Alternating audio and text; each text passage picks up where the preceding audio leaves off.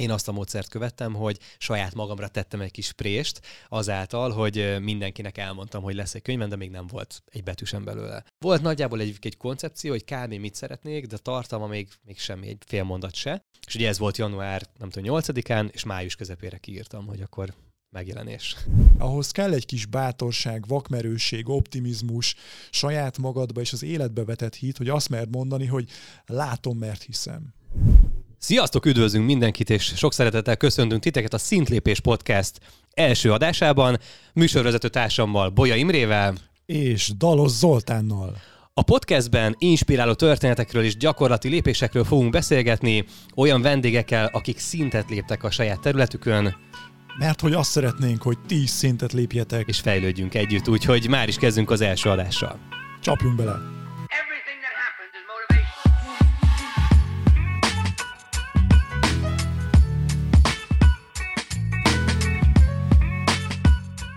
Na, hát örülök, hogy összehoztuk. Szia, Imi! És itt vagyunk az első, első adásban. Hát Zoli, ez egy, ez egy történelmi pillanat. Én megmondom őszintén, hogy egyszerre meg vagyok hatódva, meg vagyok lepődve, és, és ilyen nagyon vegyes érzések kavarognak bennem. Be, mit érzel most, mik vannak benned? Na, hát abszolút izgalom, és beszélgessünk, ugye abban maradtunk, hogy az első adást azt egy olyan, olyan adásnak szenteljük, hogy egyrészt kicsit megismeretek minket, hogy mi is az egész podcast, mi a célunk vele, honnan jött az ötlet, miért kezdtünk bele, és kicsit belemegyünk a kulisszatitkokba, hogy jobban meg tudjatok ismerni minket, bár ugye mind a kettőnknek azért van külön-külön valamilyen publikus csatornája YouTube-on, weboldal, könyv, de biztos, hogy van egy csomó olyan dolog, amit nem tudnak rólunk még a kedves hallgatók. Biztosan van, és én készültem olyan kérdésekkel, ami fényderít néhány titkodra, ezt garantálom. Wow. Na, akkor szerintem kezdjük egy nagyon rövid bemutatkozással, hogy tényleg aki még nem ismer minket, vagy hmm. csak az egyikünket, mit érdemes tudni rólunk. Imi, mit érdemes tudni rólad? Mit érdemes tudni rólam? Becsületes nevem Bolya Imre, nem becsületes is, de egyébként ez a becsületes nevem. És én azt szoktam mondani, és ez egy kicsit skatujázás, karizmával foglalkozom, karizmatikus kommunikációval, karizmatrénerség, karizma coaching, ez a szó, amit, amit szeretek magamhoz kötni, és ennek ides tovább most már öt éve, hogy építem a, karizmatikus előadó.hu-t, a karizma.hu-t. Ez nagyjából azt jelenti, hogy nyilvános beszéd tréningeket tartok, beszéd coachingokat, és a nap végén abban segítek embereknek, vezetőknek, hogy sokkal magabiztosabban, megnyerőbben és profibban kommunikáljanak dióhéjban ennyit. És ugye mind a ketten megléptük az alkalmazó vállalkozóvá válást. Bizony. Te egy évvel korábban, mint én. Így 15-ben. Van, így van, én 2015-ben éreztem már azt, hogy a multivilág és az alkalmazotti lét nem tud igazán támogatni engem, hogy kiteljesedjek. Tehát nem az az én világom, és rengeteget tanultam a cégektől, a főnökeimtől, a kollégáimtól, és elérkezett az a pont, amikor azt éreztem, hogy most már a saját kezembe szeretném venni az életemet. És ugye ekkor volt az alkalmazottból vállalkozó válásom, mhm. ami kapcsolódik hozzád is, mert hogy... Nekem meg ugye annyira megtetszett ez, a, ez, a, ez az átalakulás, ez a transformáció, hogy nekem meg ugye ezen a néven született meg a, a könyvem 2019-ben, hogy nekem egy évvel később 2016-ban indult el ez a vállalkozói kaland, ez a nagyon izgalmas út, és igazából ugye indult a marketingnek, mondhatom azt, hogy szinte a teljes spektrumával, és hmm. onnan elkezdtünk specializálódni, ahogy telt az idő a tartalom marketingre. És most mm. ugye azzal foglalkozunk, hogy cégeknek, vállalkozásoknak, szervezeteknek segítünk hatékony tartalomgyártásban. Mm. Ez legyen akár videós, akár szöveges tartalom, közösségi média menedzsment, tehát az a célunk, hogy a ügyfeleinknek ezt a szakértő személyes márkáját építsük, és emellett én próbálom a, a sajátomat, vagy a saját cégünkét is ugyanúgy építeni, hogy legyen egy, egy jó referencia, és hogy tényleg ne, ne legyen a Schuster cipője lyukas, hanem hogy tényleg a mi, mi csatornáinkon is megmutassuk azt, hogy mit tudunk, és ugye emellett én a, a saját YouTube csatornámat azt építem már négy éve. És ha minden igaz, akkor van egy podcastod is, Zoli, ugye? De hogy abban nem voltál elégedett, ezért kitaláltad, hogy csináljunk egyet közösen. Igen, szóval, hogy, igen, hogy, így is fogalmazhatunk, igen. Nem, én ezt mindig, mindig el szoktam mondani, hogy nekem a, a podcast, ugye üzlet és utazás, ez az a brand név, amit uh, mi le is védettünk, le is foglaltunk. Ez egy online magazint jelent, egy rendezvénysorozatot jelent, illetve az interjúimat is így hívom, üzlet mm. és utazás interjú. És ugye én alapvetően videókat veszek föl, és videó interjúkat készítek, uh-huh. és csúnyán fogalmazva nekem a, a podcast, vagy az audiósáv az egy melléktermék, tehát hogy én nem külön az audiót vágtam meg eddig, hanem a videót próbáltuk meg jól megcsinálni, jól megvágni, Aha. és annak a hangsávját föltettük a, a ismert podcast csatornákra, de én abszolút azt látom, hogy ebben óriási lehetőség van ezen a területen, és tényleg a, mondhatni azt, hogy a podcast az új blog, és hogy tényleg így nőnek ki a földből, és, és izgalmasabbnál izgalmasabb podcastek. Sokkal jobban bele tudjuk tenni a személyiségünket, nem annyira arctalan, mint egy, mint egy blog, mint egy írott szöveg, uh-huh. de mégsem annyira nagy kihívás, mint egy videó. Tehát valamilyen arany középút, és de mégis sokkal jobban meg tudnak ismerni belőle a, a nézők, hallgatók, hát ugye nézők, azok majd a, a YouTube-on ugye csak egy ilyen állóképpel fognak találkozni, és hát ugye felmerült a gondolat, hogy mivel minden rendelkezésre itt van az új stúdiónk, itt vannak az eszközök, és itt van van a lehetőség ezen a piacon, akkor miért ne csináljunk egyet? még egyet. És egy csak audio verziót, és gondolkoztam azt, hogy ki lenne az, aki, akivel ezt nagyon szívesen megcsinálnám, ki az, aki, akinek az értékrendje rendje nagyon hasonló, és, és tényleg amióta ismerjük egymást, nagyon jól megértjük egymást, és kiegészítjük egymást, Hát és így jött a gondolat, hogy akkor ezt veled szívesen megcsinálnám. Ó, ezúton is köszönöm a felkérést. Szóval akkor nem azért, mert nem működött a másik podcastod, és végre akarsz egy igazi jó podcastot. De ez is benne van. Jó, jó, oké, oké, oké. Szóval, Csak hogy simogassam akkor... a adegot. Igen, ez is benne van. De akkor igazából szeretnél szintet lépni végre a podcast bizniszben, ugye? Tehát ebben az egész témában. Ebben is. Ebben is. Mert személyes hogy... fejlődés. Én azt gondolom, hogy engem minden érdekel, ami személyes fejlődés, ami produktivitás, kapcsolatok, kapcsolódás emberekhez, inspiráló mm. történetekhez. Tehát én azt gondolom, hogy amúgy ez, meg úgy általánosságban a YouTube is, meg a, úgy eleve az interjú szituáció, vagy egy kooperáció, egy beszélgetés, egy együttműködés, az tökéletes arra, hogy, hogy új emberekkel kapcsolódjunk és szerintem itt rengeteg olyan emberrel fogunk tudni találkozni, akivel lehet, hogy amúgy nem találkoznánk, vagy csak egyikünk ismeri, és így akkor mindketten jobban megismerjük. Uh-huh. Lehet, hogy egy olyan nézőpontot tudunk uh, megmutatni belőle, amit nem ismernek mások, és csak rajtunk múlik, hogy mit hozunk ki belőle. Abszolút egyetértek, és bevallom, hogy, hogy a, az inspiráló beszélgetések engem is fel tudnak tölteni. Uh-huh. Ugye te is írtál egy könyvet, én is írtam egy könyvet Karizma címmel, és annó én azt csináltam, hogy összegyűjtöttem a, a legkarizmatikusabb magyar előadókat, és mindenkivel beszélgettem egy másfél órát. És bevallom, hogy én annyira feltöltöttem azokból a beszélgetésekből, hogy szinte két-három napig flóban voltam utána.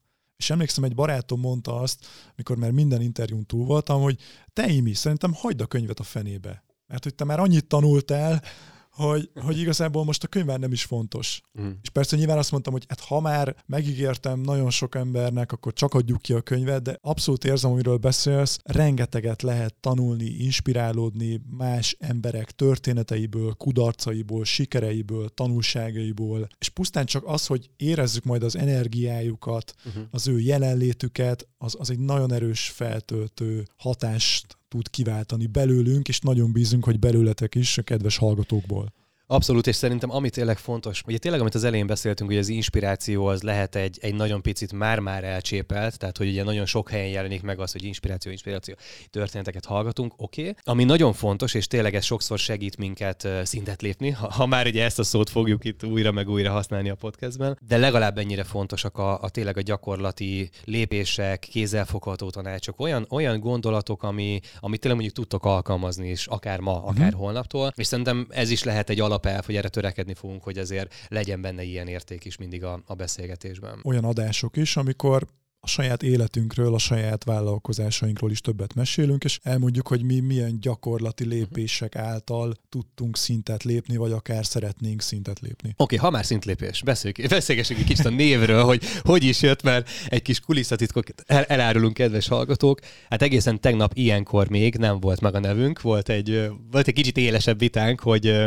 hogy egy majdnem jónak tűnő nevet az hogy is ragozzunk, ugye így indult. Így van. De ahhoz képest pedig most néhány óra alatt meg lett a végleges név. Azt, úgy, azt tényleg áruljuk el, hogy tegnap délután volt egy beszélgetésünk, az utolsó megbeszélés a podcast felvétel előtt, és Zoli abszolút magabiztosan, mert készült a témáival, illetve én bedobtam előtte, hogy de Zoli, akkor van egy névjavaslatom, és egy ilyen félórás, Lefagytunk. félórás blackout, és fél órán keresztül győzködtük egymást, majd abban maradtunk, hogy jó, akkor ez most nem fog eldőlni, mindenki szépen menjen haza, vonuljon el, és akkor este nyolckor folytatjuk a beszélgetést. Így van, és most reggel van, tehát reggel nem, nem van, volt túl sok idő a kettő között. És akkor Zoli, nem tudom, te mit csinált, én azt csináltam, hogy leültem, és úgy próbáltam kreatív lenni, hogy én addig innen most nem kelek föl, amíg nincsenek tuti jó névötleteim. Uh-huh.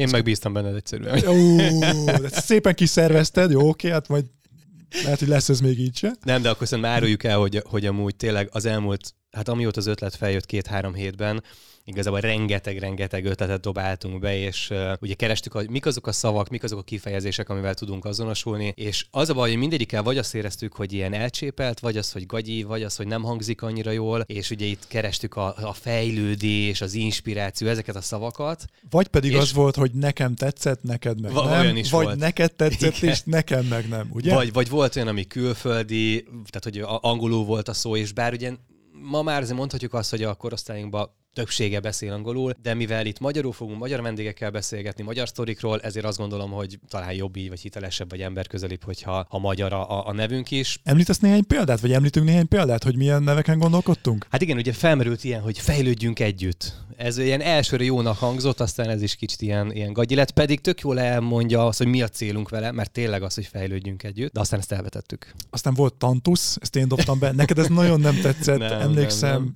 Volt executive podcast. Igen, Ez az már alakult, de ilyen, hát kicsit ilyen nagyképű, nem? Ilyen igen. executive, bocs, executive. nagyképű. Akkor voltak olyan szavak, amik önmagában jól tetszenek, mint hogy prioritás, mint hogy mi volt még, ami hasonló. Ami jól hangzik ugyan, vagy elmond, de mégis így mondjuk bekategorizálna, vagy beszorítani minket egy kategóriába, és azért azt is elárulhatjuk, hogy valamilyen szinten az a célunk, hogy ne csak és kizárólag üzleti vonatkozása legyen. Elsődlegesen igen, de ne kizárólag. Tehát, hogy adjuk meg magunknak a lehetőséget, hogy tényleg olyan sztorikat is be tudjunk hozni, ami nem csak és kizárólag bizniszről Hanem szól. egészségről, sportról, Bármiről. hobbiról. Akik szintet léptek, és akik Például. valami kiemelkedő teljesítményt tettek le az asztalra, szeretnénk a történeteket megismerni, hogy hogyan is csinálták. Vagy hogyan csinálják? Na és Vagy ezt, hogyan csináltam? ezt mondjuk el, hogy ez volt az igen, éles vita a végén.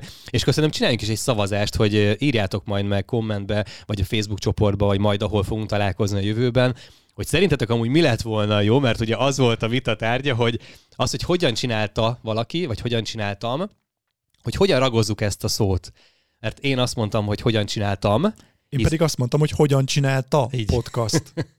mert az én elméletem az volt, hogy ugye, hogyha E per egyben, tehát hogyan csináltam podcast, akkor a vendégeink elmondják az ő szemszögükből, hogy ők hogyan csinálták, és én azzal hallgatóként talán jobban tudok azonosulni.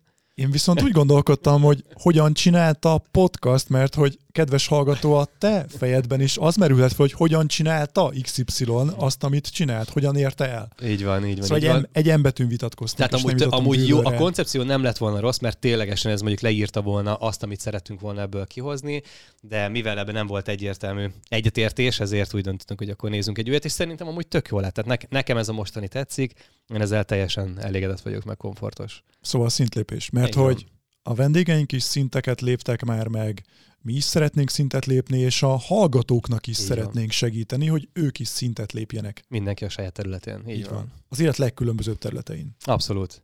Na, és miért is csináljuk? Mi a célunk ezzel az egésszel? Nekem a legerősebb az volt, hogy, hogy fejlődjek. Uh-huh. Fejlődjek, tanuljak, és közben érezzem jól magam. Uh-huh. Ez, ezek így nagyon-nagyon fontos szempontok. Neked, Zoli?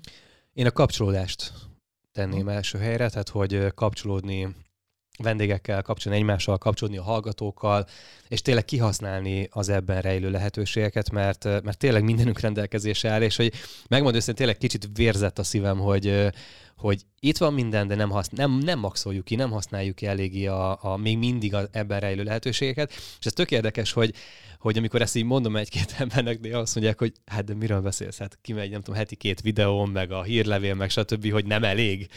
És hogy én tök azt érzem, hogy a felszínt kapirgálom, és hogy mm. még óriási lehetőség van ebben a tartalommarketingben, tartalomgyártásban, értékadásban, és ezáltal kapcsolódni a közönséghez. Szerintem van ennek egy olyan varázsa is, nem tudjuk, hogy ebből mi születik és mi sül ki belőle, akár egy év múlva, öt év múlva, tíz év múlva. Uh-huh.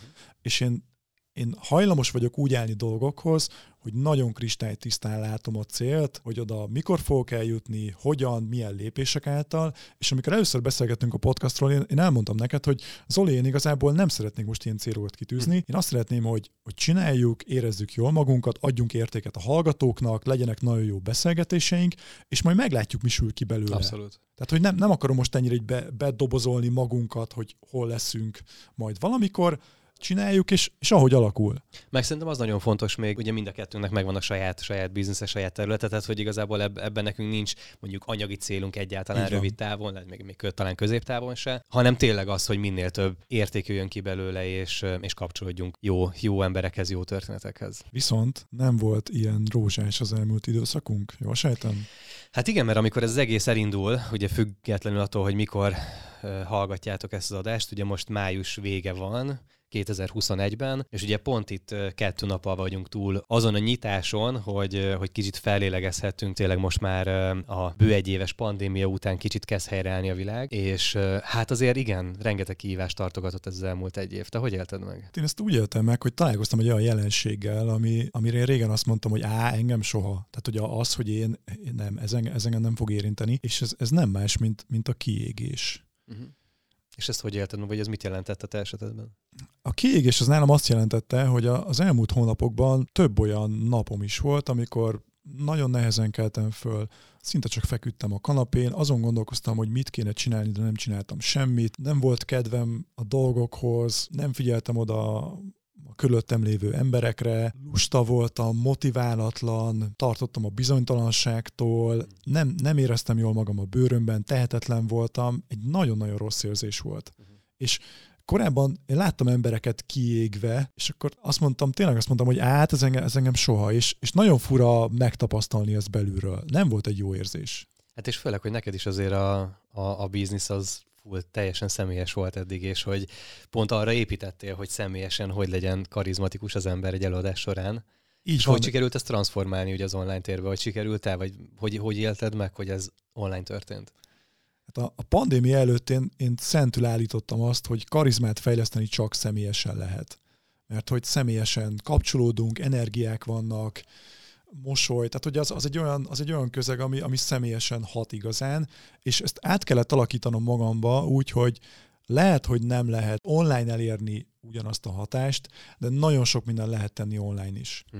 És ekkor kezdtem el foglalkozni azzal, hogy először előadásokat tartottam az online karizmáról, aztán pedig már egész napos online tréningeket, illetve vezetőkkel dolgoztam, és a mai napig dolgozom online formában is coaching keretek között. Viszont elején még élveztem az online-nak a kényelmét, ugye? Mindannyian ismerjük, hogy a home office az közel van az otthonunkhoz, jó esetben, és egy idő után már annyira hiányoztak a személyes kapcsolódások, a, a szórakozás, az éttermek, a színházak, a mozik, a, az intenzívebb közösségi kapcsolódás, hogy ez is hozhatta azt, hogy, hogy beestem ebbe a Mhm. kiégés light nevű eseménybe. És szerintem nagyon sokan, tehát amúgy pont beszélgettünk róla, hogy én is nagyon hasonló mentem, pedig, pedig tényleg mondhatjuk azt, hogy azért hogy mondjam, most az, az nem biztos az a jó szó rá, hogy elég erősek vagyunk, de hogy, de hogy eléggé Energikusak, energikusak, maga, optimi, igen, ez egy nagyon jó fontos, hogy, hogy pozitívan állunk a dolgokhoz, nagyon optimisták vagyunk, ráadásul tényleg egy olyan közösségben mozgunk, olyan társaságban mozgunk általában, ahol szintén ilyen emberek vannak, tehát hogy tényleg minden esélyünk meg volt arra, hogy ez ne, ne így legyen, de mégis hat ránk a környezet, és én is ugyanezt éltem meg, hogy egy ilyen tehetetlenségérzés, hogy te fejen állhatsz, bármit csinálhatsz, akkor is be van zárva minden. És akkor sem tudsz beülni sehova, akkor sem tudsz elutazni, nem tudsz társaságba menni, tehát minden olyan, ami, ami eddig feltöltött egy ilyen rosszabb periódusba, az most nincs. Ráadásul tél volt, sötét volt, eső volt, hó volt. Bizonytalanság, bizonytalanság vett körül minket, és azt éreztük, hogy nincs meg a kontrollunk. És én az a típusú ember vagyok, ugye mondtam már, aki, aki általában céltudatos, szereti, szeret hatni a dolgokra, szeretem én alakítani a dolgokat, és egy kiváló példa volt erre, hogy nincs mindig nálunk a kontroll, az a podcast ötlet. Emlékszel, egy, egyik nap felhívtál, vagy nem, rám írtál Slacken, hogy szia, van egy ötletem, Igen. beszéljünk róla. Mondom, oké. Okay. És akkor dobtad be a podcastet, és nekem felgyulladt a villanykört a fejemben, hogy jé, tehát lehet, úgy is alakulhat jól az életem, hogy nincs közvetlen ráhatásom. Ugye én nem szóltam neked, hogy te Zoli majd, amikor podcast, amikor végre egy normális podcastot akarsz csinálni, akkor gondolj már rám, ugye nem mondtam ilyet. És mégis, Mm. szerintem sokszor történnek úgy dolgok, hogy nem, nem hatunk rá, viszont ezek értünk történnek. Igen, meg szerintem azért azt a kulisszatitkot elárulhatjuk, hogy hogy egy közös mastermindnak vagyunk a tagjai, illetve hát ti meghívtatok oda engem, mert ti voltatok hárman az alapítói, és annak már több mint másfél éve, hogy, Bizony. hogy közösen benne vagyunk. Három vagy négy hetente találkozunk, ugye egy 5-6 fős társaság, és hogy abszolút ott is az a cél, hogy egymást segítsük, és átsegítsük ezeken a nehéz időszakokon, és még ennek ellenére is volt, voltak nehezebb pillanatok, és ugye az pont egy olyan biztonságos közeg, ahol, ahol tényleg ezeket meg tudjuk beszélni egymással, és igen, és ott is bedob, bedobtuk folyamatosan ezeket. De nem csak mi, mindenki. Tehát, hogy azért azt is elárulhatjuk, hogy ez, ha te is ezt érezted, akkor nem vagy egyedül, mert majd, majdnem mindenki átment ezen szerintem ebben a bő egy évben. De ugye azt mondják, hogy a legjobb dolgok, vagy hát a, a nagy dolgok, azok így a válság alatt vagy után történnek, úgyhogy Bízunk benne, hogy ez a podcast is egy ilyen legjobb dolog lesz az életünkben, és nem csak a mi életünkben, hanem akár a hallgatóink életében is. Így van, bízunk benne. És akkor szerintem menjünk is tovább, hogy mik a terveink. Nagyjából hogy, hogy tervezzük itt a technikai lebonyolítást. Kis kulisszatitkot azért el, elárulnánk nektek, hogy összeállítottunk egy elég hosszú kérdésbankot, ez ugye azért tettük meg, hogy mindig legyen majd mihez nyúlnunk, amikor amikor a vendégeket hívjuk, és hogy milyen témákat feszegessünk, miket kérdezgessünk a vendégektől. És hát ebből a kérdésbankból csipegettünk ma, hogy tényleg jobban megismerjük egymást, meg ti is minket, és ezeket fel fogjuk tenni egymásnak, illetve hát hasonló kérdésekre számíthatok majd a, a vendégeinknél is. Ugye itt az az elképzelésünk, hogy most első körbe kettő hetente szeretnénk kijönni egy adással, és ugye kettő-három lesz vendéggel, és utána egy, egy olyan adás, amit, amit pedig kettesben fogunk megcsinálni, és ugye vagy egyrészt reflektálunk a, a vendégekkel történő beszélgetésre, valamilyen szinten szintetizáljuk azt, szétboncoljuk a témákat, mi hogy éljük meg azokat a dolgokat, és tervezünk majd ugye olyan örökzöld tartalmakat is, amikor pedig egy-egy konkrét témát kivesézünk és átbeszélünk. Pontosan. Na, akkor csapassuk is, és a szabály az pedig az, hogy kérdezzük egymást, és ugye pedig mi is meg, megválaszoljuk ugyanazt Bizony. a kérdést. Úgyhogy kezdeném én azzal, hogy kik a példaképeid, és miért pont ők? Vagy pont ezt hagyjuk ki? Meglepetés. A példaképeim, hm, a helyzet az, hogy, hogy nincsenek konkrét példaképeim. Inkább olyan emberek vannak, akik az életük bizonyos területein előttem járnak és, és szimpatikusak, de nem, tudné, nem tudná azt mondani, hogy na, ő a példaképem, hanem akár... És az, a, az az úriember, akit mindig emlegetsz, akinek a tréningje az a, az megváltoztatta nagy, nagy magas. az életedet. Ő, se, ő sem ez a kategória? Ő, ő kevésbé. Volt egy idő, amikor példaképen volt. Kiről beszélünk? Anthony Robbinsról beszélünk, egy amerikai tréner, előadó, coach, és őt már kevésbé példaképemnek tekintem, inkább, inkább az életem bizonyos területein mentornak. Akár... Mi a különbség a te, te értelmezésedben a kettő között? A példakép a számomra, hú, ez, Zoli, ez egy jó kérdés, ez még így nem gondolkodtam. Na. Már megérte leülni beszélgetni. Igen, már megérte. A, mentort, egy, a mentorral egy szorosabbi kapcsolatot érzek, a mentorral akár tudsz beszélgetni is, uh-huh. a mentor tanácsait sokkal inkább lekövetem, tehát ez, ez egy erősebb kapcsolatot jelent nálam. Uh-huh. Még a, a példakép az inkább akár egy picit ilyen idealisztikus. Ilyen látom, a tele, lát, látom az újságban, igen, hallok róla, és, és az, az egy távoli kapcsolat számomra. Uh-huh. Szóval ilyen értelemben nekem Anthony Robbins sokkal inkább mentorom, Hát akkor szerencsés vagy, hogyha ha ennyire közelnek érzed magadhoz. A helyzet az, hogy tíz éven keresztül jártam a különböző képzéseire, trénerként is szoktam szerepelni mint önkéntes a rendezvényein, és igen, úgy érzem, hogy egészség, üzlet, életfelfogás, gondolkodásmód, ezekben a témákban nagyon sokat tanulhattam tőle, és ezt a tudást igyekszem átadni a karizmatikus előadó tréningjeimen is, illetve nem is csak a tudást igyekszem átadni, hanem a Tony Robbins által használt módszereket én is felhasználom, mégpedig azért, hogy segítsek a tréningem résztvevőinek, sokkal magabiztosabb előadóvá válni. Mhm. Mert hogy nem tudom, tudtad de és szerintem neked ezzel nincsenek gondjaid, de amikor valakinek nehézséget okoz az, hogy kiálljon oda akár 5, 10, 50 vagy 500 ember elé, és ott lenyomjon egy 10 perces beszédet, nagyon sok esetben nem a technikákon múlik ez, hanem ezeken a bizonyos belső korlátokon. Uh-huh. És én ebben szeretek segíteni embereknek. Azt is mondhatom, hogy egyfajta transformációs élményt okozva nekik, hogy ezt leküzdjék, és utána ezt, ezt nyomják nagyon profin. Szóval ilyen értelemben nekem Tony Robbins inkább egy mentorom, uh-huh. mint egy példaképen. Hát akkor szerencsés vagy, tök jó. És neked példaképek, mentorok? Jó, vegy, vegyük akkor. Hasonló, igen, ugye hasonlóan értelmezem én is, tehát nekem is egy példakép az ilyen um, idealisztikus, igen, kicsit távoli, de mégis tudok azonosulni az értékrendjével, felfogásával, uh-huh. stílusával, kommunikációjával, illetve mondjuk irigylése méltó az, amit elért, vagy figyelemre méltó, az talán egy jobb szó rá. És nekem az első név, aki mindig eszembe jut, az, az Tim Ferris. Baromi érdekes, hogy ugye az elejétől kezdve gyakorlatilag az ő neve jön föl újra és újra nálam, mert ugye ő 2006-ban írta a négy órás munkahét című könyvet, tehát 2006-ban nem volt még közösségi média, nem volt Facebook, de mégis abban a könyvben olyan alapelvek vannak, amik szerintem a mai napig megállják a helyüket, mint kiszervezés, virtuális asszisztencia, sőt talán egyre inkább aktuális ez, delegálás, ennek a nehézségei, és rengeteg olyan dolgot feszeget benne, ami, ami szerintem ilyen zseniális és ilyen, ilyen homlokcsapkodós élmény, hogy úristen, miért nem gondoltam erre korábban.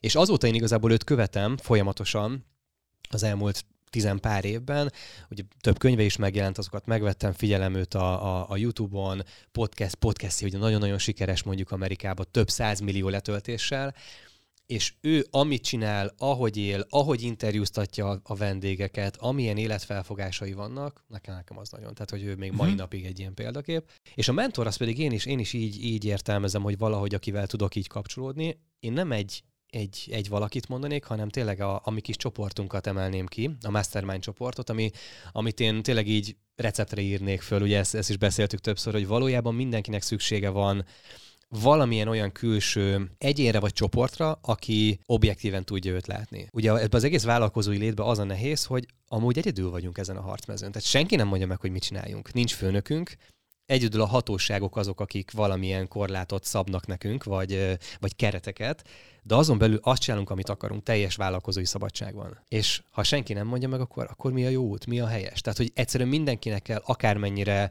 hiper-szuper képességei vannak, akkor is jó, hogyha van egy külső szemlélő, és nekem ez most, a, ami legtöbbet segít, ez a Mastermind csoport. Hadd egészítselek ki, szerintem nem csak vállalkozóknak van hmm. szüksége erre cégvezetőknek, hanem akár, akár olyannak is, aki egy, egy cégnél, akár egy multinál dolgozik alkalmazottként, vagy ott vezetőként. Abszolút. Mert hogy ott is fontos, hogy őszinte, objektív visszajelzést adjunk a másiknak, és támogassuk, mert lehet, hogy azt tud segíteni valakinek egy karrierlépésben. Tehát szerintem, szerintem igazából egyetértek, szinte mindenkinek, szinte igen, mindenkinek igen. Nagyon, jó, nagyon jó egy mastermind, és ahogy hallgattalak, Tim ferriss is nagyon támogatom, ugye közösen is beszélgettünk róla így a podcast Igen. kapcsán, és van még egy úriember, nem tudom, tudod hogy kire gondolok, aki szintén egy, egy mentorunk, példaképünk, és sokat tanulunk tőle. Marketing területen? Nem, nem marketing, hanem inkább ilyen életfelfogás, üzlet. Egy indiai származású, Amerikában élő, N betűvel kezdődik a neve. Nem szóval, tudom ki. Nem, szóval szabad a gazda. A betűvel folytatódik, N-A, Hát Naval. Jaj. Naval ra- Nem gondoltam volna most. Nem? Nem. Szóval... Pedig, pedig nagyon-nagyon izgalmas tényleg, de, de most nem az ő neve ugrott be. Naval, Még egyszer Naval, Tehát Naval Ravikant, most lehet, hogy szegény Naval megsértődik, hogyha hallaná, hogy hogy ejtjük ki a nevét, de a lényeg, hogy számomra, számomra Naval, ő egy, egy modern, kori, bölcs és filozófus. És úgy filozófus, hogy tehát nem úgy filozófus, hogy hallgatod fél óráig, és nem tudod, hogy miről beszélt, hanem úgy tud filozofálni, hogy olyan életbölcsességeket oszt meg, hogy szinte fél percenként vagy percenként homlokodra abszolút. csapsz, hogy és gyakorlatias. Tényleg, és, és abszolút gyakorlatias. És tényleg egy, egy indiai származású, nagyon szegény körülmények között igen. nőtt fel, nagyon jó iskolákba járhatott, Amerikába költözött, rengeteget olvasott, és egyébként ő egy befektető, egy startup befektető. Az Angel List. Igen, az Angel List nevű cégnek a, az alapítója, és és egy, egy hihetetlen széles tud, körül tudással rendelkező, egy, egy filozófus, Abszolút. tanító, minden és szava bölcsesség, és mellette egy hihetetlen mértékű alázat szerénység, van benne, alázat, és szerénység. És azt hiszem elmondhatjuk, hogy ezt be is tesszük majd a, a podcastnak a leírásába, hogy van egy, egy ilyen három és fél óra, és ez egy ugye olyan sorozat volt, az volt, hogy How to Get Rich, Kicsit clickbaites. Igen, kicsit clickbaites, mert igazából nem csak erről szól, hanem tényleg az emögötti filozófiáról, de egy nagyon-nagyon jó gyűjtemény kár három és fél óra, én ugye ezt szoktam mostanában hallgatni a reggeli mozgás közben, úgyhogy abszolút tényleg Ez inspiráló. life-changing, nem? Teljes mértékben. És nagyon, nagyon jó, jó nézőpontban. Abszolút. Tehát akkor betesszük a Facebook csoportunkba, mert hogy van egy Facebook csoportunk is, igaz? Zoli? Mire ezt felveszünk, addigra lesz. Jó. Vagy mire megszerkeztjük, addigra lesz. Oké, okay, reméljük. Tehát ott, ott meg fogjátok majd találni okay. ezt a podcastot. Na, szuper, menjünk tovább. Menjünk tovább? Jó, uh-huh. akkor, akkor jön egy következő kérdés. Legyen az, hogy Zoli, gondolom te is szoktál hibázni, mint ahogy minden más ember. Ki nem, ki nem. Az hazudik, aki azt mondja, hogy nem. Helyes. Az a kérdésem, hogy mi az a hiba, amit a leggyakrabban el szoktál hmm. követni? Amit én most kiemelnék, biztos, hogy sok hibám van, és ezt meg kéne kérdezni a környezetemet, hogy mennyi mindent követek el, de amit, amit én szembesülök vele, és tudom róla, hogy ez egy nagyon nagy hiba, hogy hajlamos vagyok elveszteni a fókuszt. Hmm. És uh, ugye ezt a mastermindunkban is ugye sokszor felhoztam, hogy én irigylem azokat, akik, uh, akiknek van egy dolguk az életükben, egy tevékenység, egy szakmájuk, egy valami, és így reggeltől estig azzal tudnak foglalkozni, azzal kellnek, azzal fekszenek, nem is gondolkoznak másban, hanem éveken, tíz éveken keresztül ugyanazt tudják csinálni. Mm. És valamilyen szinten tényleg én irigylem ezeket az embereket, mert én egyszerűen ezt nem tudom, nem, nem vagyok erre képes. Én azt érzem, hogy egy dolgot elkezdek csinálni, óriási hévvel belemegyek, nagyon nagy lendülettel, és nagyon gyorsan megunom. És egyszerűen azt érzem, hogy vagy sikeres azért, vagy nem érte el a, a kívánt eredményt azért, de egyszerűen megunom, és mindig kell valami új, új impulzus. És ezért is van az, hogy én ugye építeni szeretek, én elindítani szeretek dolgokat, de sokszor már mondjuk az üzemeltetés részét, azt már kevésbé. Ez azt jelenti, hogy egy év múlva egyedül fogok itt ülni? Nem, nem hiszem. Okay, nem. nem na és tök, tök jó ellenpélda erre a YouTube Aha. csatornám, amit négy éve kitartóan csinálok. Jó, okay. Voltak benne hullám, hegyek, völgyek, na de ott is például a, a stratégiát, meg magát a felvételt imádom, de az utómunkát azt nagyon-nagyon gyorsan átadtam másnak, mert, mm-hmm. mert rájöttem arra, hogy ez engem megfojt egyszerűen, hogyha, tehát tipikusan az ilyen administratív jellegű dolgokat nem szeretem, és, és minél gyorsabban azt ki kellett adni, ki kellett szervezni. A többi részét imádom csinálni, és élvezem a kreatív részét, élvezem a, az építés részét, élvezem azt, hogy tényleg ezzel adok a, a, a közönségünknek, és szerintem így lesz ezzel a podcasttel is. De hogyha visszakanyarodunk, hogy mi a hiba, az az, hogy tudom, hogy nem kéne új dologba belekezdeni, de belekezdek. Uh-huh és egyszerűen leveszi a fókuszt arról, ami mondjuk eddig lehet, hogy már, é- már kezdett működni, de mivel megint szétforgácsom az energiámat, ezért egyik sem működik igazán. Sok mindenbe belekapok, de egyiket sem maxolom ki. Tehát én, mm. ez, ez egy nagyon nagy hiba. És tök érdekes, hogy pont a, ez, az, ez a válság, vagy pandémia, világjárvány, mindegy, hogy hívjuk, ez segített abban, hogy nem vitte el a figyelmem az utazás, uh-huh. Renk, tehát egyfolytában kattogtam azon, hogy hova utazzak, hova menjek, hol itt töltődjek, és hogy most ez kiesett. Kiesett rengeteg olyan dolog, ami viszont felszabadított időt, és tudtam sokkal jobban fókuszálni arra, ami a fő, fő tevékenység. Ez azért érdekes, mert én meg fordítva voltam nagyon sokáig. Tehát én éveken keresztül abban éltem, és, és abszolút azt vallottam, hogy én nagyon tudok fókuszálni, és az én fókuszom, amivel kelek és fekszem, az a karizmatikus előadásmód, a karizmatikus kommunikáció, minden, ami a karizmához kötődik. És nekem meg a pandémia mutatta meg azt, hogy bár a mai napig imádom ezt a témát, mellette szeretek mással is foglalkozni, és hmm. más is megmozgat, és másra is helyezek fókuszt. És Például? Engem foglalkoztat a kriptovilág, uh-huh. a kriptodevizák piaca, a kriptovaluták, hova jut ez el, milyen coinok léteznek. Ugye nekem van egy informatikusi diplomám, tehát én informatikus mérnök vagyok hivatalosan, és értem ennek a technológiai hátterét is, és ebben a témában is nagyon szívesen olvasgatok. Valójában nekem ez a podcast is egy ilyen bizonyíték arra, hogy igen, továbbra is szeretek segíteni embereknek karizmafejlesztésben, magabiztosságban, és mellette mennyire jó létrehozni valamit, ami által tanulok, fejlődök, értéket adok, és még kapcsolódást is létrehozok. Tehát, hogy én meg pont fordítva. És nem érezted ebben. például, hogy ezek neked is vannak videóid fönt, online kurzusok, könyv, tehát hogy ezt nem soroltad ide, ez nem billentett ki a, a fókuszból, hanem inkább úgy érezted, hogy ez egy irányba mutat, és egy csomag része. Igen, egy, egy irányba, hmm. egy irányba mutatott. Hmm. Egy irányba mutatott. Ez nagyon érdekes. De hogy nekem is van hibám, nem is kevés, Mesélj. és akkor én is, én is, én is elmesélem, és már, már a podcast is mutatja ezt, és most bevallom neked, ezt nem mondtam még, hogy ezért is örülök, hogy mi most együtt dolgozunk ebben a podcastban, mert addig, amíg neked egy fontos alapelved az, hogy done is better than perfect, ugye? A, a kész az jobb, mint a tökéletes.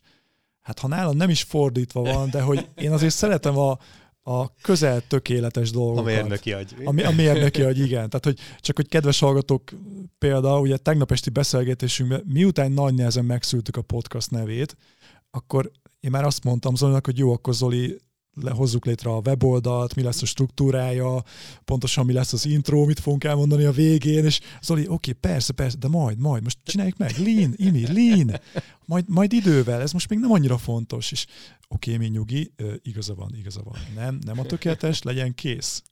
Szóval hát nekem... Hát igen, mert minden mást ezután fogunk megcsinálni. Tehát van, van már egy-két skic mondjuk így a dizájnra, meg, a, meg az intróra, meg mindenre, de ugye hmm. most, amikor ezt feladjuk, még nincs meg semmi, tehát mire ez ki fog menni, addigra fog elkészülni minden, és hogy valójában most tényleg az volt a feladatunk, hogy ez a beszélgetés jól sikerüljön. Szóval nekem ez egy, ez egy hibám, sőt, nem is hibának nevezném, inkább, inkább tudom azt, hogy, hogy olykor ez korlát tud lenni. Aha. Ez egy gát. Például a tréningemen érzem azt a több, több ezer visszajelzés után, hogy egy, egy nagyon magas színvonalú, sokat adó profi képzés, tehát oda jól jön a, a folyamatos tökéletesség iránti vágyam és a folyamatos fejlesztési iré, igényem, elvárásom magammal szemben, de itt ebbe a podcastban most én azt is szeretném megtanulni, abban is szeretnék szintet lépni, jó.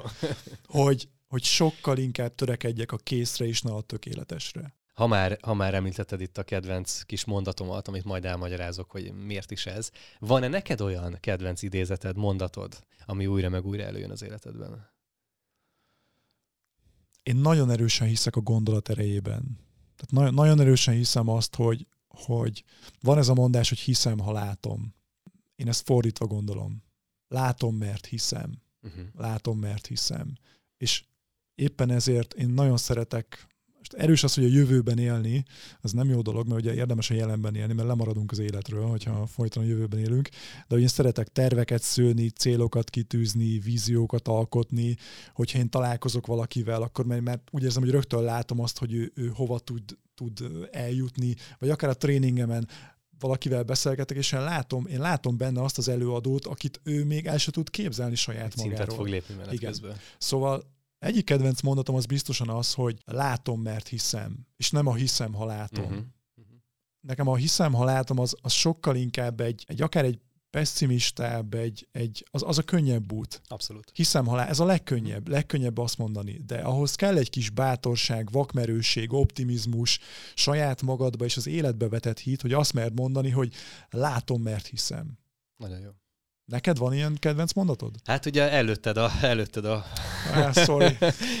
a, a, a titkot, mert ugye nekem az, hogy a kész jobb, mint a tökéletes, és én tényleg azt gondolom, hogy a, általában a fejlődésnek tényleg ez a legfőbb gátja, hogy egy, egy tökéletes idilli képet kergetünk, és azért nem kezdünk bele valamiben, mert még nincs kész. Nem élesítem a weboldalam, mert még hiányzik egy, nem tudom, egy logó, egy akármi. Nem kezdem el a podcastet, mert még nincs meg az a profi hangcuccom nem kezdek el egy YouTube csatornát, mert a telefonomnak a kamerája nem elég jó. És ugye ez mind-mind-mind attól félünk, hogy mit fognak szólni majd mások ahhoz, hogy hát, hogy ez a mi értékrendünk szerint ez nem tökéletes. És pedig lehet, hogy objektíven már azzal is egy átlag fölötti minőséget hozunk, de mégis akadályozok magunkat attól, hogy kitegyük az elég jót, kitegyük a 85-90 százalékosan kész valamit, kapunk visszajelzéseket, és visszajelzésből tudunk fejlődni. Úgyhogy ti is jelezetek majd vissza erre a podcastra, hogy hogy tetszett. Ez nem tökéletes, de kész van. Sőt, én egy, egy, egy lépéssel tovább megyek. Biztos vagyok benne, hogy a kedves hallgatóban is fölmerült valami olyan dolog itt és most, amire, amit régóta halogat. Uh-huh. Amiben várja a tökéleteset, pedig a kész, az pontosan elég lenne. Úgyhogy most az a kérésem mindenkihez, aki ezt hallgatja, hogy tegyél meg ma valamit, tegyél egy olyan lépést. Egy gyakorlati lépést. Egy gyakorlati lépést, amivel hát a szintet tudsz ugrani, szóval tegyél meg egy lépést a kész felé, és ne a tökéletes felé, és ezt majd írjátok be a Facebook csoportba. Jó, ezt be fogjuk dobni kérdésként. Szuper, mi az a lépés, amit megtettél azért, hogy valamivel végre elkészülj, és nem majd, majd a tökéleteset várd. Igen, a halogatás, ez mind-mind-mind ide, ide tartozik, hogy, hogy, hogy ezt a tökéletest keresünk, és félünk attól, hogy mit fognak gondolni. Ugye egy másik példaképünk, vagy akitől tanulunk és sokat követjük, ugye Gary V mondja Én azt, hogy, az előbb, igen. hogy mi az a híres mondása. Melyik?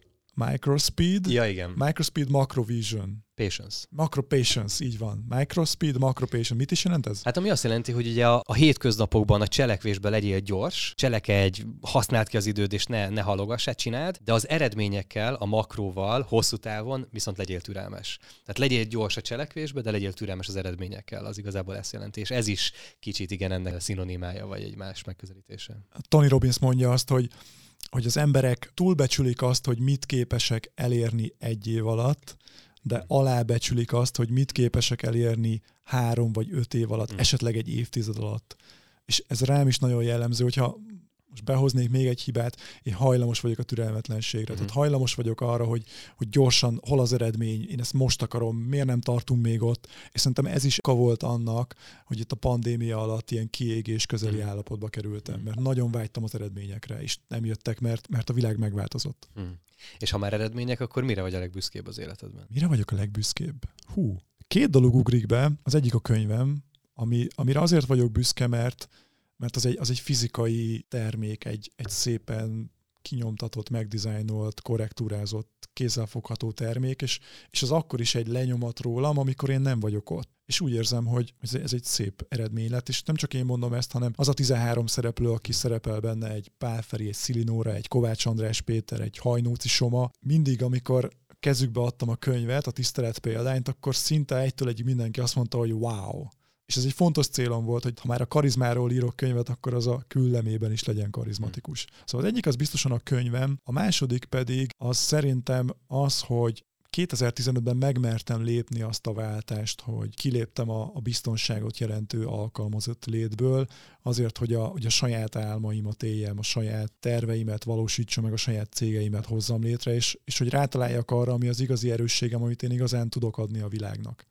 Talán ez a két dolog, amire, amire legbüszkébb vagyok. De szerintem nálad is hasonlók lehetnek, nem? Hát Zoli, az vagy? egyik az, egyik az stimmel. Igen? A könyv az nekem, nekem ugyanígy. Aha. Nekem is amúgy két dolog jutott eszembe. És a könyv az talán azért, egyrészt igen, hogy amit mondtál is, hogy van egy, van egy produktum, van egy fizikai, amit kézbe tudsz venni, és ott marad örökre, és embereknek a polcát díszíti, és hogy ez egy milyen, milyen jó érzés.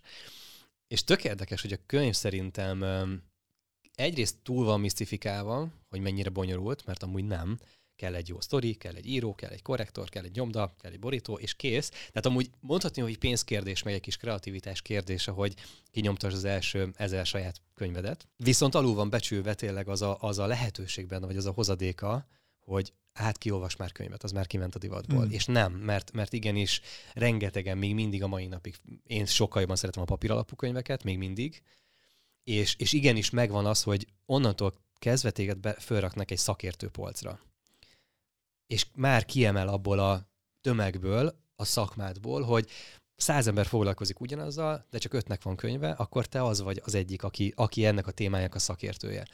És tényleg egy óriási lehetőség, illetve amire én büszke vagyok, ugye maga a könyvnek a megszületése, mert ugye ez egy ilyen négy hónapos szuperintenzív projekt volt, mert én ugye ez is szerintem egy tök jó módszer, és ezt már többször elmondtam a, a YouTube csatornámon, hogy én azt a módszert követtem, hogy saját magamra tettem egy kis prést, azáltal, hogy mindenkinek elmondtam, hogy lesz egy könyvem, de még nem volt egy betűsen belőle. Uh-huh. Volt nagyjából egy, egy koncepció, hogy kb. mit szeretnék, de tartalma még, még semmi, egy fél mondat se. És ugye ez volt január, nem tudom, 8-án, és május közepére kiírtam, hogy akkor megjelenés.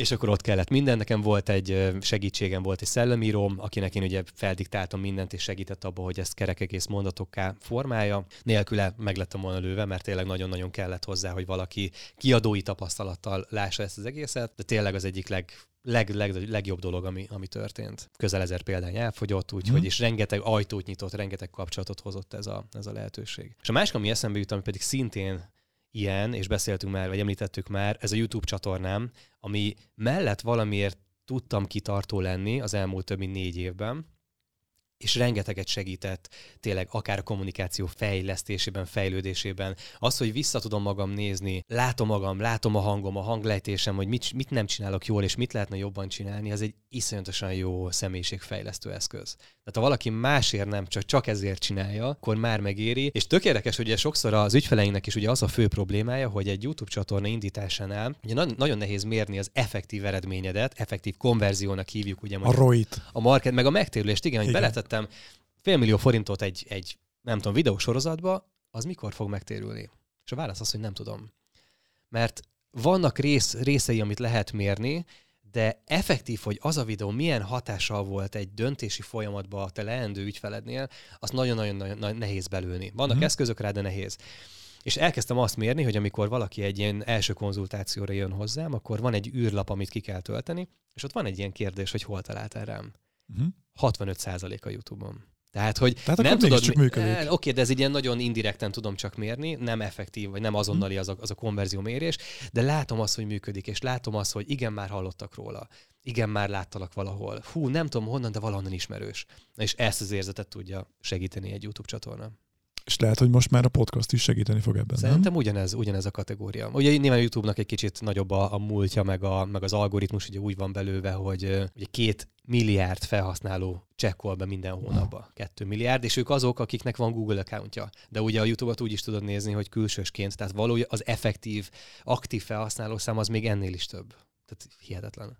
Nézzük még egy kérdést a listáról, mit okay. szólsz? Én kérdezek most? Jöjjek Mm, most. Nem, én. Te jössz? Na, hát hát akkor, igen. Szerintem az legyen, hogy mi az, ami felbosszant, Timi? Mi az, amit rosszul viselsz? amit rosszul viselek? Az életben, szokásokban, emberekben, bármiben. Hát van, értsd, van, ahogy, igen, értsd, ahogy van, érted. van, van egy fura dolog, engem nagyon fel tud bosszantani az, amikor valaki csoszog. Igen, amikor csoszog. Ez az annyira, szóval a Rász, számom... rászólsz akkor?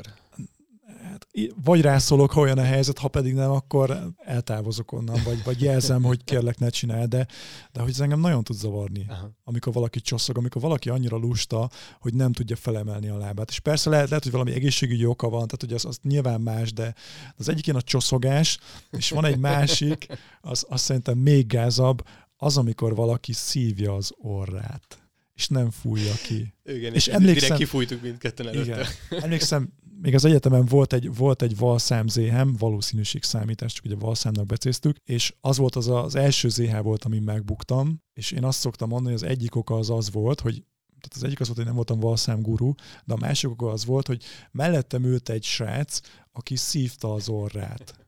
És 10 perc után adtam neki egy papír zsebkendőt, egy jó szándékból, hogy figyelj, Léci, ezt így használd már. Kifújta az orrát, majd megint tovább szívta az orrát. Még az a szerencse, hogy nem olyan nagy cégeknél dolgoztál, ahol, ahol ez ahol ez szokás, ugye igen, ahol ez be, távol, távol-keleti vezetésű cégeknél azért ez, ez benne van a kultúrában. Igen. De neked is van ilyen, Zoli, nyugtass meg, ugye? Ami felbosszant, amit rosszul viselek, um, most elsőre, ami eszembe jut, az kicsit hasonló ahhoz a türelmetlenséghez, amit te is mondtál, Aha. hogy amit én nehezen viselek, amikor um, valaki nem abban a tempóban halad, vagy nem úgy érti meg a dolgokat, ahogy, ahogy neked az logikus. És én nyilván az akkor nehéz, amikor mondjuk neked van egy nagyon-nagyon gyors, akár beszéded, akár észjárásod, vagy gondolkodásod, akkor ez néha nehéz, amikor amikor van valaki nagyon-nagyon-nagyon lemarad, és mondjuk tízszer el kell majd valamit magyarázni, na azt nehezen viselem, uh-huh. de ez a türelem vagy türelmetlenséghez kötődik. Olyan értelemben önkritika jut eszembe, hogy amit rosszul viselek például az, hogyha nem használom ki a, a lehetőségeket eléggé. Hmm. És kicsit, most hogyha belegondolok, hogy ugye ennek a podcastnek a születését, vagy ugye az volt az egyik ok, hogy itt vagyunk most már január óta ebben a stúdióban, és például az felbosszant, hogy nem maxoltuk ki még eléggé a helyben rejlő, rejlő potenciálokat.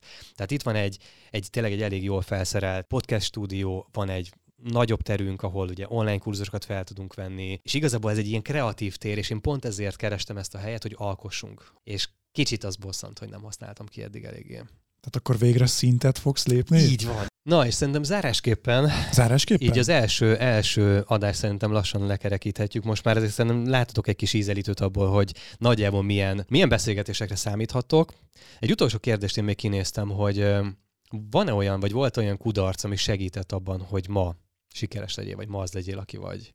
Milyen olyan bukás volt, ami segített tovább lendíteni, amiből tanultál? Nagyon sok ilyen volt. Az egyik legszemléletesebb az, az a 2008-9-es válság idején volt. Ezeket a válságokat én azért megélem rendesen, most így jobban belegondolva. És ez pedig nem volt más, mint az, hogy akkor egy amerikai multinál dolgoztam, és nagyon elkötelezett voltam életemet és véremet a cégért, a karrierért. Abszolút ebben a, ebben a gondolkodásmódban éltem. És amikor egy egyéves tréningprogramot megcsinálhattam, elvégezhettem Amsterdamban, utána hazajöttünk, és egy fél évvel később a régióban, ebben a kelet-európai régióban mindenkit meghívtak egy konferencia hívásra, amelyben benne volt a főnököd, az ő főnöke, és a HRS. Jó kezdődik. Igen, az optimista én nem azt mondta, hogy hát biztos előlép, igen, igen, kitüntetés, előléptetés, de azért bejött a racionális énem is, és az mondta, hogy hát imi, itt valami más lesz. És képzeljétek el, hogy az történt, hogy egy nap alatt reggel 8-tól este 8-ig mindannyiunkat kirúgtak. És akkor volt Ez egy az hosszú a kivéreztetés volt azért akkor. 10 órán keresztül. Abszolút.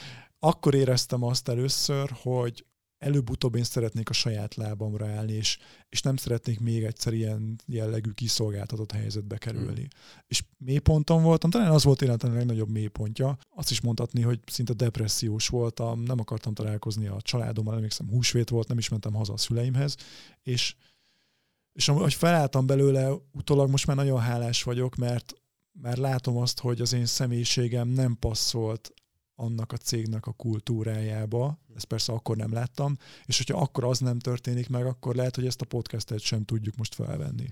Szóval, szóval én hiszek abban, hogy, hogy minden okkal történik az életünkben. És lehet, hogy egy pillanatban azt gondolod, hogy de miért? Hát nem, én ezt nem érdemlem, ez miért kellett? De utólag rájössz. Ugye Steve Jobs mondja azt, hogy, hogy a, a pontokat Pontok. csak mindig visszafelé tekintve tudod összekötni, előre nem tudod összekötni a pontokat.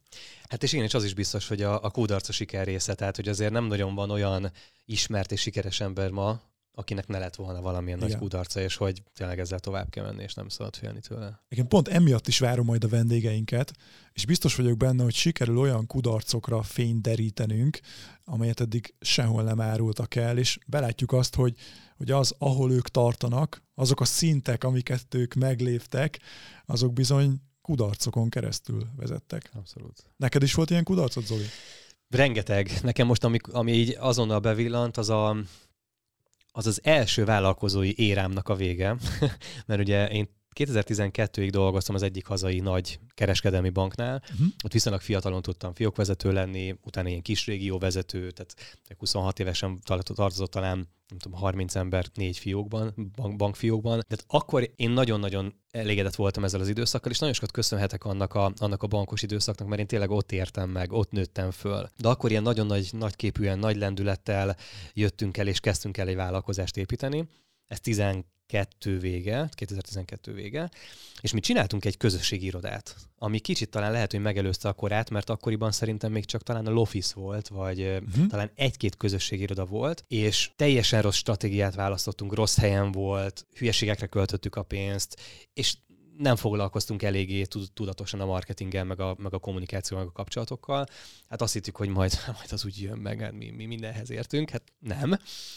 És uh, ugye ott egy ilyen bő egy év alatt mi elégettünk rengeteg pénzt, tehát tényleg így, a, amit kaptunk végkielégítést, annak így már láttuk a végét, hogy, hogy hol fog elfogyni, és vissza kellett menni dolgozni. Na hát az egy az elég, elég erős kudarc élmény volt akkor, de utólag visszagondolva viszont még utána dolgoztam három munkahelyen, körülbelül három és négy évet, és hogy nagyon-nagyon-nagyon kellett. Nagyon kellett, hogy még lássak több fajta vezetői képet, több vállalati kultúrát, több rendszert megismerjek, még több kapcsolatot építsek, és nagyon-nagyon kellett még az a plusz tapasztalás.